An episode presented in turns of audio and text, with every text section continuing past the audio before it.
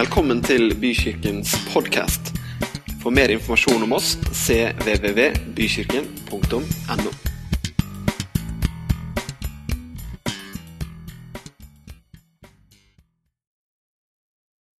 Jeg tror mange har opplevd raushet på ulik måte. Den klassiske er jo liksom når noen tilbyr seg å betale for deg. ikke sant? Ute og spiser, og så er det endelig en som sier 'jeg tar regninga'. Det er fantastisk. Forhåpentligvis ikke endelig, men at det er en som sier det. Har du hørt om de to som eh, gikk på restaurant? Det var, eh, det var to av byens løsere fugler. Med andre ord, De hadde egentlig ikke penger til å gå på restaurant, men de la en slagplan. Den ene sa til den andre du, vi går inn på denne restauranten og så bestiller vi skikkelig mye god mat og spiser og koser oss. Og den andre kikka liksom Er det mulig? Ja. Og så, når regninga kommer, så begynner vi å krangle om hvem som skal betale. Og vi, vi setter i gang en sånn krangel at det kommer til å ende opp med at de kaster oss ut. Han andre syntes det her var en helt briljant idé. Tenk, nå kan vi sette oss ned og spise en god femretters og virkelig nyte, nyte kulinariske høydepunkt. De gikk inn, de bestilte, de satte seg ned, og de spiste og de drakk, og det var helt fantastisk. Og så manner han seg nummer, han nummer to opp, han som liksom har fått beskjed om strategien. Og så kommer de med regninga, og så sier han 'Jeg betaler!' 'Fint det', sa han andre. 'Da går jeg'. Håper ikke det. altså. Men dere, raushet, det dreier seg om å unne andre suksess. Raushet dreier seg om å konfrontere med vennlighet. Det dreier seg om å ta ett skritt tilbake før vi dømmer andre. Raushet er å våge å feile. Raushet er å våge åpenhet. Raushet er å hjelpe andre. Raushet er å gi seg selv og andre frihet. Hm. Jeg er veldig glad for at vi i dag kan sette fokus på raushet. Fordi at det er nemlig sånn at Gud er raus. Ja, Hva mener du med det? Er ikke Gud kjærlighet? Er han, er han, ikke sann? Er han ikke nådig? Jo, han er alle de tingene, men for å si det på en litt folkelig måte, så er Gud raus. Han er en som gir. Ikke på bakgrunn av hva vi har gjort, men som er raus i sin natur. Det står i Bibelen i Romerne 5,8. Skal vi lese det sammen? Én, to, tre. Men Gud viser sin kjærlighet til oss ved at Kristus døde for oss da vi ennå var syndere.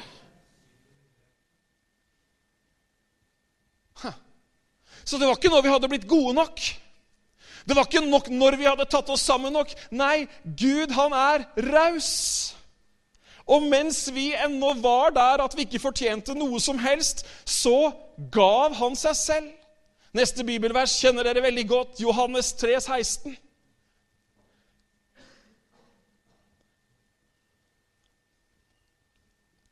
Det har vi ikke på veggen her.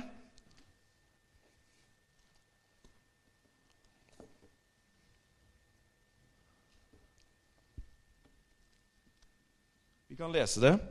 Skal vi gjøre det?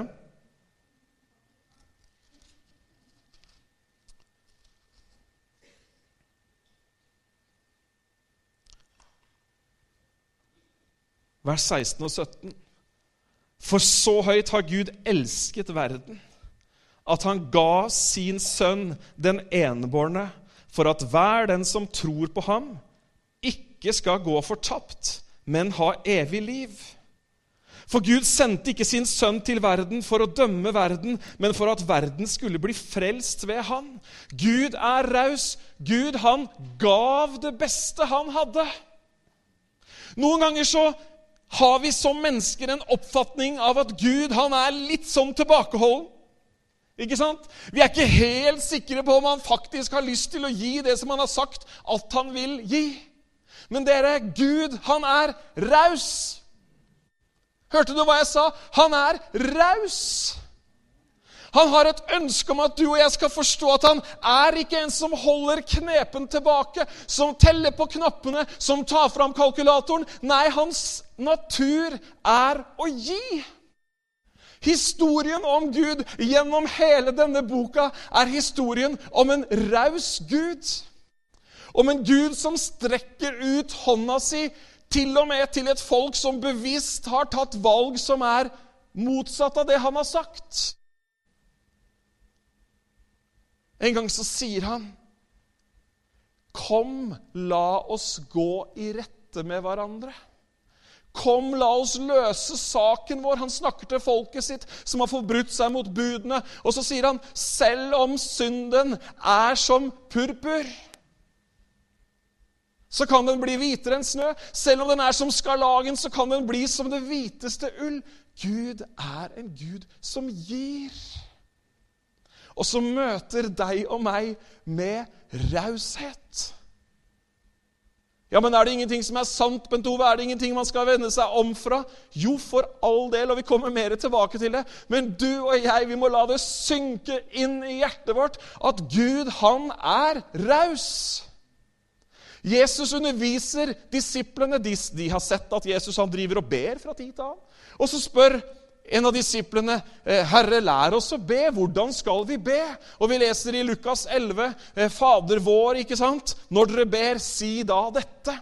Og så fortsetter Jesus å undervise om bønn. Og når han snakker om bønn, da så understreker han nettopp denne rausheten.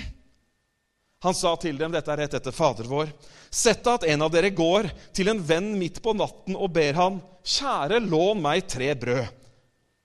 For en venn som er på reise, har kommet til meg, og jeg har ikke noe å by ham. Tror dere han der inne da vil svare, ikke forstyrr meg. Døren er alt stengt, og både jeg og barna er i seng. Jeg kan ikke stå opp og gi deg noe. Nei, jeg sier dere, sier Jesus. Selv om han ikke står opp og gir ham det for vennskapets skyld, så vil han i alle fall gjøre det fordi han er så pågående, og gi ham alt han trenger.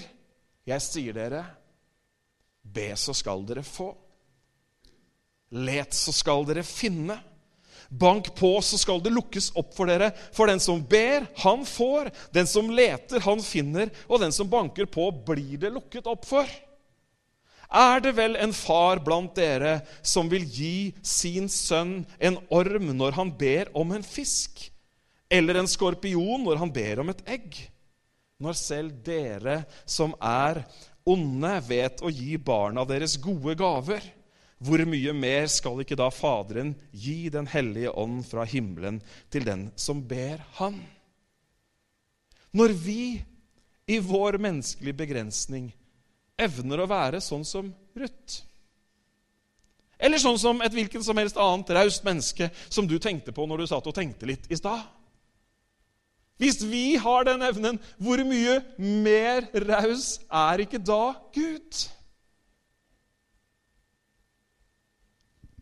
Jo, han er mye, mye, mye rausere. Er du raus? Ja, nå blir du nærgående her, Bente Bent Ove. Jeg bare lurer, Er du raus? Sånn liksom hvis Du lager deg, du kan lage deg en skala akkurat sånn som det passer deg, men du kan jo lage deg en skala på disse eh, synonymene til raushet, eller bare bruke raushet osv. Hvordan, hvordan scorer du liksom på Ingen håndsopprekning og tall, tallverdier som skal offentliggjøres her, men er du raus? Er raushet et sånt eh, Er det en sånn medfødt egenskap? Enten har du det, eller så har du det ikke. Nei, jeg er ikke raus, jeg. Jeg er ikke raus. Vet ikke. Er det et karaktertrekk som dannes, eller som etableres i oppveksten, i likhet med andre, andre dydige karaktertrekk som vi liker at barna våre etter hvert adopterer? som takknemlighet og godhet osv.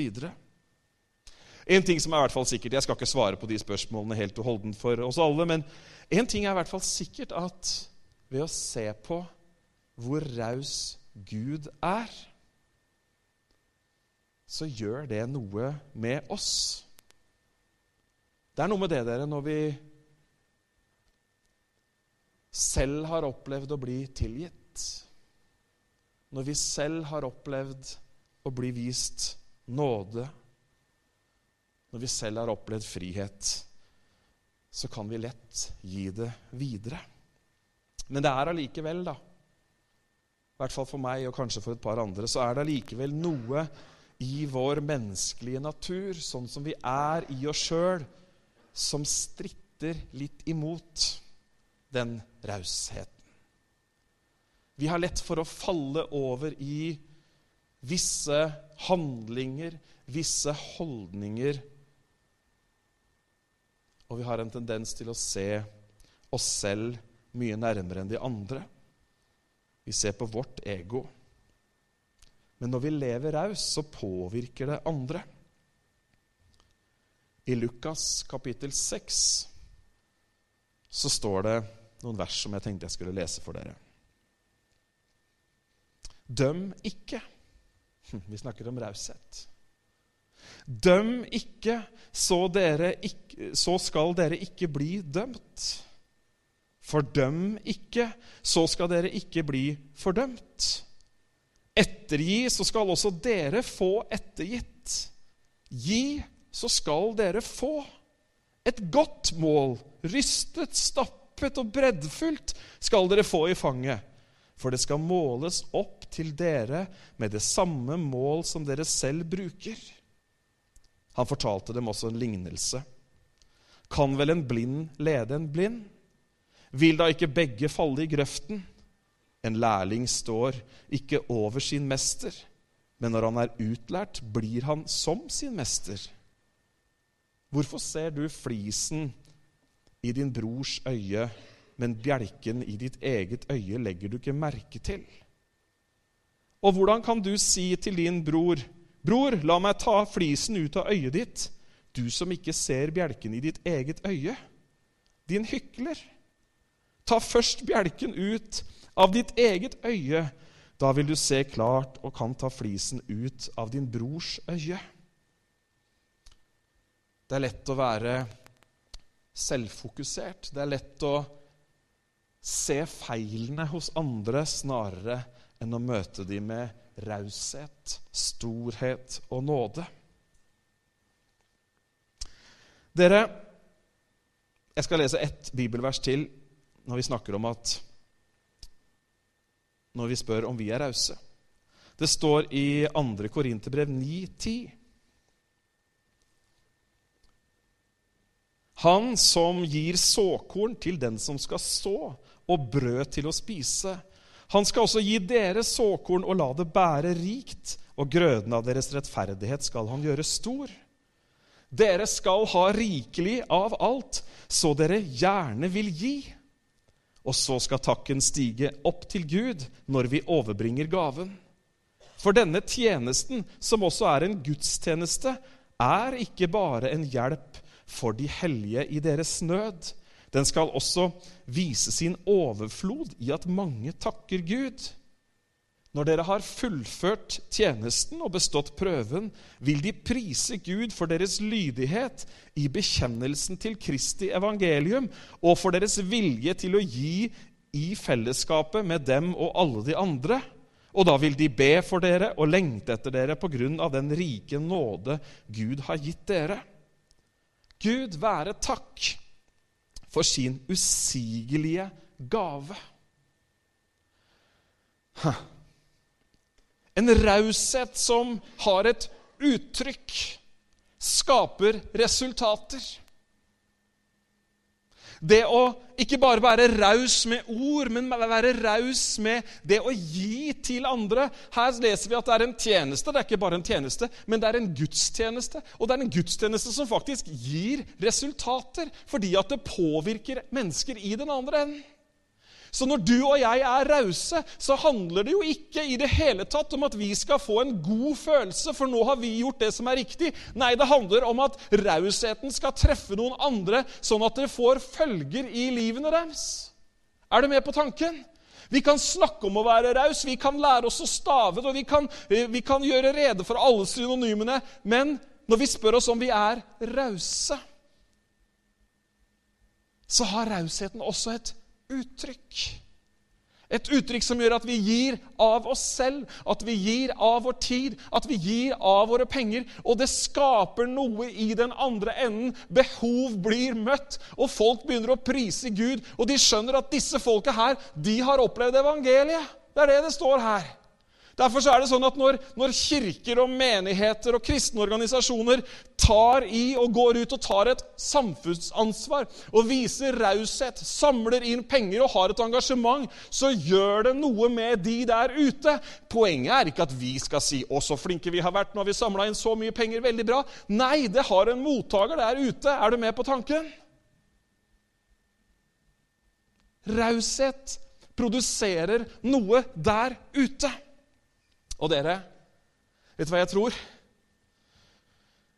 Både når det gjelder behov, rent sånn fysiske mat og vann og alle sånne ting, og også når det gjelder åndelige behov, så trenger folk raushet fra oss.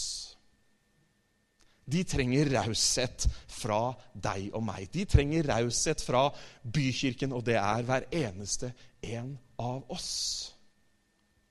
Hm.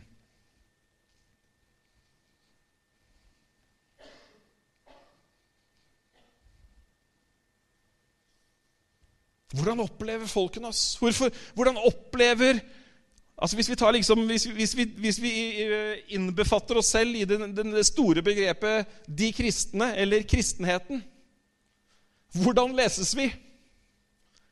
Hvordan, liksom, eh, hvordan slår det an i eh, mediebildet eller i nabolaget når vi liksom tilhører de kristne? Hva er det vi er kjent for? I Norge. Vi får ta oss sjøl. Har du spurt noen? Eller har du, har du hørt noe som folk har Er det greit at vi snakker sånn, forresten? Ja, det er jeg som har mikrofon, så det blir sånn noen minutter til. Men hvordan oppfattes vi ofte? Ofte så er vi jo Jeg tenker vel noen ganger at jeg føler meg litt sånn stigmatisert når jeg hører hvordan folk opplever oss som kristne. Er du med på tanken? Det morsomste for meg personlig det er når jeg hører at folk sier, og det er for meg personlig, det er at de opplever at vi er så prektige. Og det er morsomt for meg, for jeg føler meg så himla lite prektig. Sånn, sånn aleine med meg sjøl i speilbildet, så føler Bent Ove seg altså Hvis det er sånn der, null til ti-skala, så er jeg liksom på minus i prektigheta. Og sånn er det mest sannsynlig med deg òg. Hvis du er litt i kontakt med deg sjøl, så opplever vi som mennesker at vi kommer til kort. ikke sant? Hallo? Vi, vi, vi, gjør og sier ting som vi egentlig ikke vil gjøre og si. Vi lever og prioriterer annerledes enn det egentlig overbevisningen vår tilsier. Så når mennesker oppfatter at vi er kristne, eh, nei, prektige, ja, dere er så prektige, så tenker jeg gode Gud, da er det mange som har spilt godt skuespill.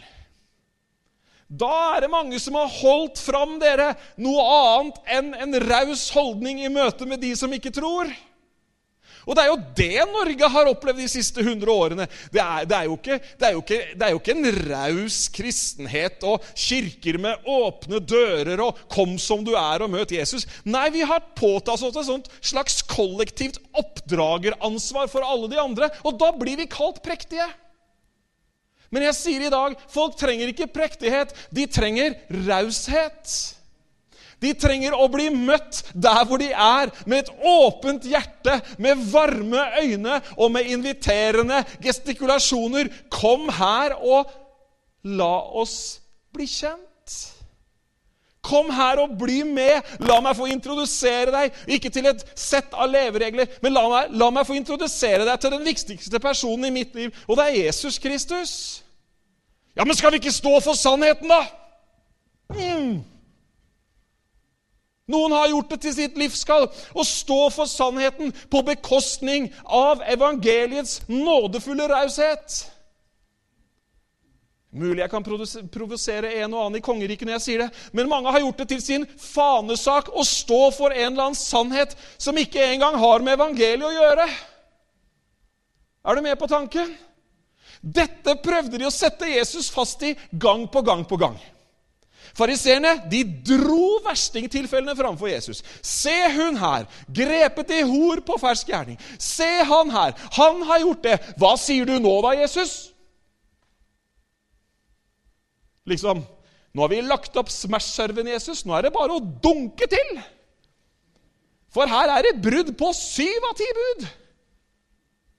Er, hallo, er dere ikke med? Det er det som skjedde. Offentlig, vet du. På tempelplassen. Se her! Hva, det, er på, det er tatt på fersken. Det er ikke noe problem med bevis her. Så kommer rause Jesus så kommer nådefulle Jesus.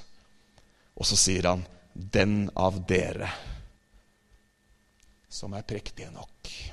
Den av dere som har alt i orden. Eller som han sa, den av dere som er uten synd. Kast den første steinen. Sa han at det var greit, det hun hadde gjort? Nei, han gjorde ikke det. Men han sa det at eh, Han sa, 'Kikka, hvor er de som fordømmer deg?' Vet du hva han egentlig sa? 'Hvor er de prektige kristne hen, da?'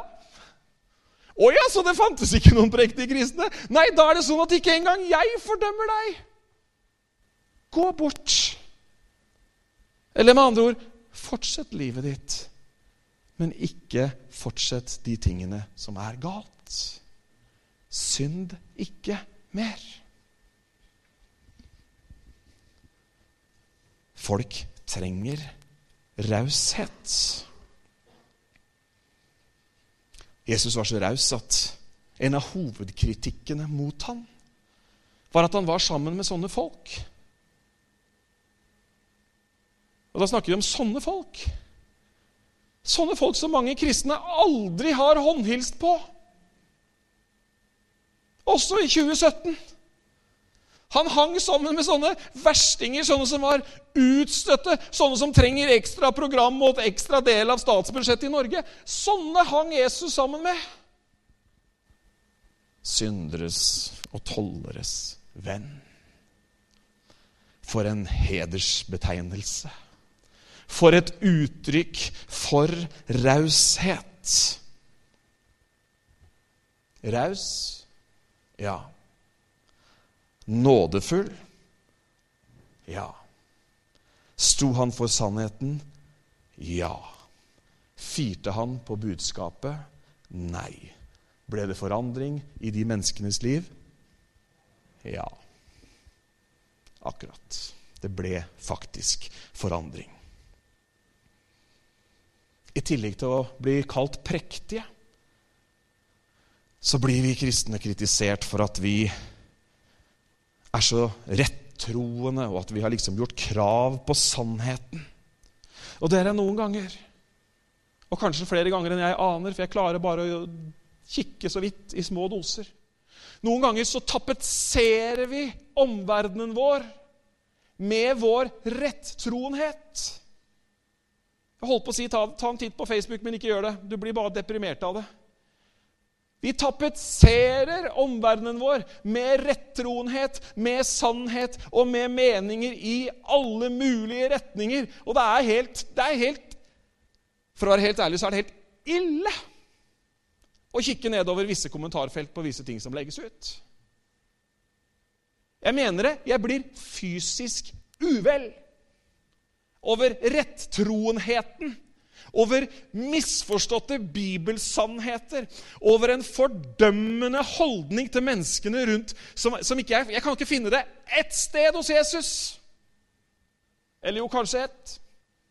Og det er når han tar de religiøse, lovlærde og skriftlærde og fariseerne, når han tar de i ørene og rister så kraftig at skjelettene skrangler. da ser jeg den dommen. Da ser jeg den holdningen. Men dere, folk trenger ikke å vite hva profilerte kristne mener om det ene og det andre i samfunnsdebatten. Nå setter jeg det på spissen. Det menneskene rundt oss trenger, det er å møte oss som kristne som et raust folk. Som ikke skaper avstand, men som inviterer inn. Tenk å være muslim i det norske samfunnet. Du er muslim. Om du er radikal eller ikke, spiller ingen rolle. Er, eller kanskje du er sånn vanlig muslim. Jeg har noen vanlige muslimer i nabolaget. Superhyggelige folk. Men tenk å være en sånn vanlig muslim i Norge, og så kommer du borti disse på en måte sidene og disse tingene i ulike medier. Av mennesker Provoserer jeg litt nå, så ber jeg egentlig ikke om unnskyldning for det engang. Men tenk å være en sånn vanlig muslim da, som ikke har så peil på kristendom osv. Og, så og så er det bare sånn propaganda og svartmaling og holdninger som dømmer nedenom. Du får jo kjempelyst til å bli med i kirka. Kan du tenke deg det? Ja, ja. Og er, vi er jo venner. vet du. Man er jo venner med naboer og muslimer. Og alt mulig. Og hvis de går inn vet du, og ser på noen av nå skal jeg ta de bort da, men no, hva noen av vennene mine har skrevet på Facebook ho, ho, ho. Ja, Da kan det hende det er mange invitasjoner vi må sende før, før, noen av de tør å bli med. Å ja, du, du er sånn som dem, ja. Dere, jeg sier ikke at ikke man kan ha meninger om innvandringspolitikk, om Israel-politikk, om integrering, om hele pakka. Du kan ha alle de meningene der. Og kanskje noen av de skal vi ha litt mer for oss selv enn det vi har. Men over all meningsytringen så har du og jeg et oppdrag som kristne i 2017, og det er å være rause på Jesu vegne. Det er å vise nåde mot de menneskene vi møter. Det er å forkynne et evangelium som løfter mennesker opp og inn i Guds hjerte. Amen. Det er oppgaven vår. Alt det andre det er sekundært, så la det være sekundært. La oss være rause, for mennesker trenger rause mennesker. Jesus som virkelig sto for sannheten. Jesus som ikke bare siterte Guds ord, han var Guds ord. Han var som en magnet på folket. Mens mange kristne i den vestlige verden vi er sånn antimagneter, hvis det er noe som heter det. Vi er som en manet, ja. Ikke en magnet, men en manet. En brennmanet. Pass deg, for det er lange tråder som kan skade deg veldig. Folk trenger raushet. Halleluja. De trenger raushet. Ja, men hva med sannheten, da? Dere, vi må stole på kraften i evangeliet. Vi må stole på at Han som vi sier har frelst oss og løftet oss opp fra mørk og død og dyp, han kan gjøre det samme med de menneskene vi møter. Det er ikke vi som liksom skal være en av sånn sannhetsideal som skal liksom dømme. La han dømme! Forkynn evangeliet! Si at det finnes en Gud. Unnskyld meg, og tusen, nei, unnskyld meg, kjære unge muslimske nabo. Det er trist at du har lest de kommentarene. Jeg mener det virkelig ikke. Og viktigere enn det er at Jesus ikke mener det i det hele tatt.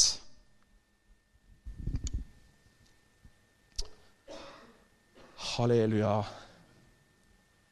Folk trenger raushet. Ikke bare muslimer og folk med andre, men folk som, folk som har opplevd at det har gått på trynet i livet. Folk som har opplevd at det ble ikke altså, Og det er, det er vi mange av. Det ble ikke helt sånn som vi trodde. Og For noen så er de historiene veldig sånn synlig offentlig. For andre så er de historiene kun forbeholdt det private rom hjemme. La oss være rause. I dag vil jeg gjeste ditt hus. sa Jesus til Sakkeus. I dag vil jeg være med deg hjem. Hvordan reagerte de rundt? Det står at de murret. Står at de mislikte det veldig sterkt. Men folk trenger, kjære venner, de trenger raushet. Hmm. Men skal vi ikke snakke sant? Skal vi ikke si det vi mener? Men noen ganger, vet du, så er det ikke bare raushet som er gull, men det er taushet som er gull også. Fikk du med deg den? Det er, det er faktisk sant. Raushet er gull, og taushet er tull.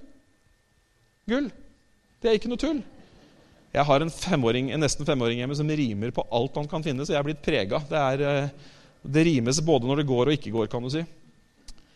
Men noen ganger vet du, så er, så er taushet gull.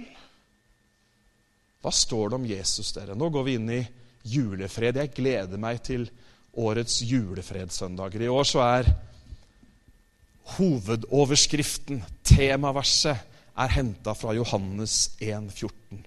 Gud ble menneske og flytta inn i nabolaget. Eller ordet ble kjøtt og blod og tok bolig iblant oss. Videre der så står det Og vi så hans herlighet. Vi så hans storhet. En herlighet som den enbårne sønnen har fra Faderen. Og hvordan er denne herligheten, dere? Den er raus. For den er full av nåde og sannhet. Men ikke sannhet og nåde. Hvis du bytter om på rekkefølgen, så er det over i religion. For da er det sannhet, da er det gjøre, da er det mene, ha alt i orden, og så kan du oppleve nåde. Nei, evangeliet er helt motsatt. Det er nåde og så sannhet. Fordi at når man åpner opp for nåden, når man åpner opp for det som Gud har gjort, da får man nemlig hjelp av Han til å lande sannheten. Visste du det? Hvorfor det? Jo, fordi at det er sannhetens ånd den har han gitt oss som troende. Tar de imot Guds nåde, tar de imot rettferdighetens gave, tar de imot nådens overflod, Romerne 5, 17, så står det at vi skal regjere, vi skal herske dette livet. Jo, hvorfor? Jo, fordi at sannhetens ånd bor på innsiden av oss. Og da blir det ikke kopierte meninger fra noen andre sin kommentarfelt, men da blir det hva Guds ånd viser deg i sitt hjerte. Jeg syns dette her er helt fantastisk. Halleluja. Full av nåde og sannhet.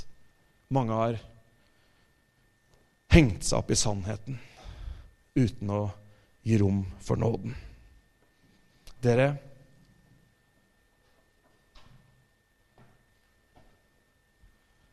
Nå kommer snart julenissen.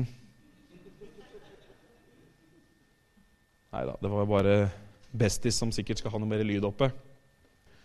Men dere, hør her. Hør på dette.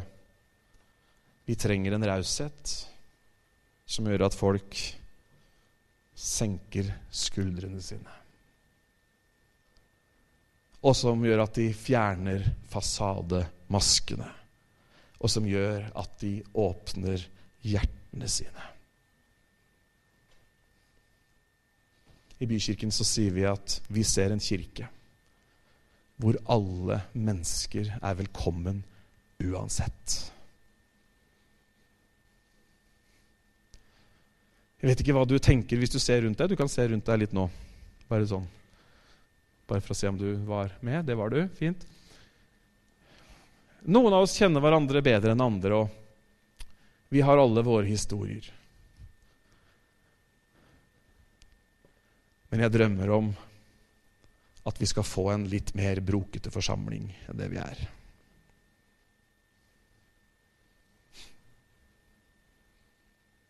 Jeg drømmer om at vi skal få en litt mer brokete forsamling enn det vi er. Vi er brokete. Vi er ikke prektige der hvor vi er. Vi har våre historier. Vi har våre kamper. Men jeg ser fram mot søndagene i bykirken, hvor også forsamlingen synlig er mer brokete. Ja, hva mener du nå? Jo, jeg gleder meg til en miks av ulike nasjonaliteter. Med ulike religiøse bakgrunner. Med ulike klesstiler og alle de ytre tingene, men først og fremst med mennesker som er ekte mennesker, som kommer inn, og som tar med seg hele seg inn i gudstjenesten og får oppleve hans kraft. Amen. Og om de ser broket ut på utsiden, så er det nesten enda bedre. Om det kan provosere noe av den religiøse prektigheten som en og annen kan ta på seg fra tid til annen, er vi ikke mye plaga av det her, da. Enda bedre. Fantastisk. Måtte du i årene som ligger foran oss, havne ved siden av noen på et søndagsmøte som lukter så vondt at du vurderer å flytte deg. Og måtte du i månedene som kommer, få oppleve at du blir støtt av banneord på trappa på vei inn i bykirken. Jeg mener det. Jeg mener det. Måtte du og jeg le så vi ligger langflate over noen som deler sin historie med noen kraftuttrykk i vitnesbyrdene sine som gjør at vi lurer på om de egentlig har blitt frelst. Jeg synes Det var helt nydelig her ute en gang for noen år siden. Så kommer en kar ut og levd et lurvete liv av dimensjoner. Kåre het han, men han var blitt herlig frelst. Gunnar og noen av oss, vi, vi kjenner han. Og så kommer han ut fra et møte hvor han liksom hadde virkelig Og dette var bra. Og han liksom Bent Ove, det her var jævla bra! Og du vet, Et øyeblikk så blir det jo litt sånn derre Og så tenker du Så fantastisk! Det var det kraftigste uttrykket han hadde. Og Nå skal ikke du gå og poste på Facebook at nå har pastoren begynt å banne i prekena si. Det var en historie for å vise at Gud er raus. Amen. Det er godt å komme til rause mennesker. Er det ikke det? Å, det er nydelig, altså. Det er godt å komme inn i sånne rause hjem. Noen ganger så kommer jeg inn i sånne hjem hvor når jeg skal sette meg, så, så finner jeg et sete, og så sjekker jeg om buksebretten det har jeg jo ikke da, men sjekker jeg om jeg liksom sitter sånn passe bra. Og så passer jeg på at eh, beinet ikke sparker borti veluren på sofaen ved siden av. Har det vært sånne steder? Sånn møbelkataloghjem? Det er ikke noe gærent med møbelkataloger, altså, men, når, men når, liksom hjemmet blir, når hjemmet gjør en sånn derre Får deg automatisk til å liksom sitte i rett. Jeg har vært hos noen sånne, jeg. Og så I de, de samme hjemmene så føler du gjerne at tiden også er tilmålt. Så det er ikke noe kaffekopp nummer to. Det var den lille. I det tynne, kalde porselenet som gjorde at du rakk jo ikke å drikke den engang. Er du med på tanken? Det er ikke sånn vi skal ha det! Folk trenger raushet!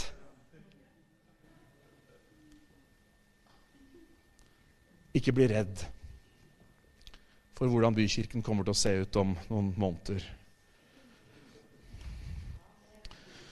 Gled deg heller over at folk sier det der. Det er kjerke for byen. Der kan du komme, akkurat sånn som du er. Vi kommer ikke til å gi noen garanti på at folk kommer til å bli sånn som de er når de kommer. For det tar Jesus seg helt av. Men du og jeg, vi skal være sånne raushetsambassadører. For folk trenger raushet. For Gud er en raus Gud. Han er full av nåde.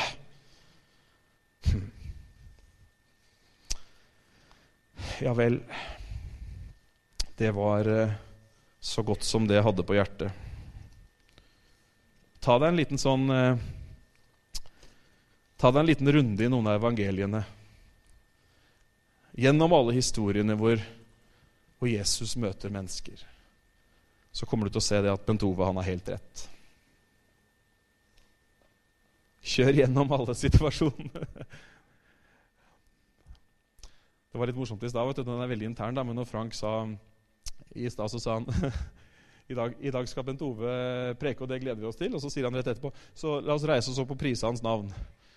Så tenkte jeg bare, Var det flere som la merke til den? Så tenkte jeg kjære mitt tid, Frank, nå, jeg skjønte hva du mente, men nå sa du ikke helt det du mente. Så det har Du vet, det er sånn Jesus, Jesus er min, og jeg er hans. Ikke sant? Altså, det er mange sånne morsomme ordspill. Vi skal ikke ta dem nå. Men dere, la oss være rause med hverandre. Hm? La oss heller liksom Heller overdrive det litt enn å lure på om vi skal gjøre det. La oss heller liksom være på, på den sjenerøse siden av skalaen enn å være på den der tilbakeholdende delen av skalaen. Ja, jeg vet ikke, kanskje, hvis, og så Nei. La oss være sånne som gir, sånn at det blir oss gitt. La oss være sånne som tar det vi har, og investerer det inn i andre mennesker. La oss rydde plass i kalenderne våre, så de blir så rause at vi har plass til å møte menneskene rundt oss, og plass til å drive en kirke hvor evangeliet kan gå ut uke etter uke. Amen. Han er raus. Og så har jeg lyst til å minne deg om det jeg sa innledningsvis. Vi kan reise oss opp.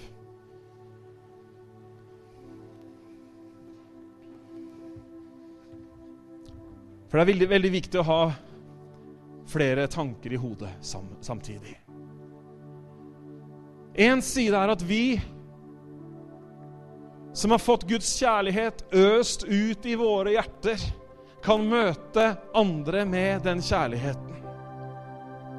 Men før vi kan det, før vi gjør det, så har jeg lyst til å si til deg veldig klart og tydelig Det er at Guds raushet den gjelder ikke bare alle de andre der ute, men den rausheten gjelder deg. Han vil gi deg. Han gir og han gir og han gir. Når jeg var liten, så var det en sånn sangtekst som jeg syntes var så kul. For da sang vi 'Han gir og han gir og han gir'. Han metter mine dager. Og så syntes jeg det var så kult at det var lager i en kristen sang. Han metter mine dager fra det himmelske lager. Mer enn nok gir han meg. Han gir av sin overflod. Ja, han er veldig god. Fantastisk sang. Kanskje vi skal dra fram den igjen? På hvilket område i ditt liv tenker du at du trenger å oppleve Guds raushet? Guds nåde? Guds kjærlighet? La oss bare være litt stille i bønn der hvor vi står.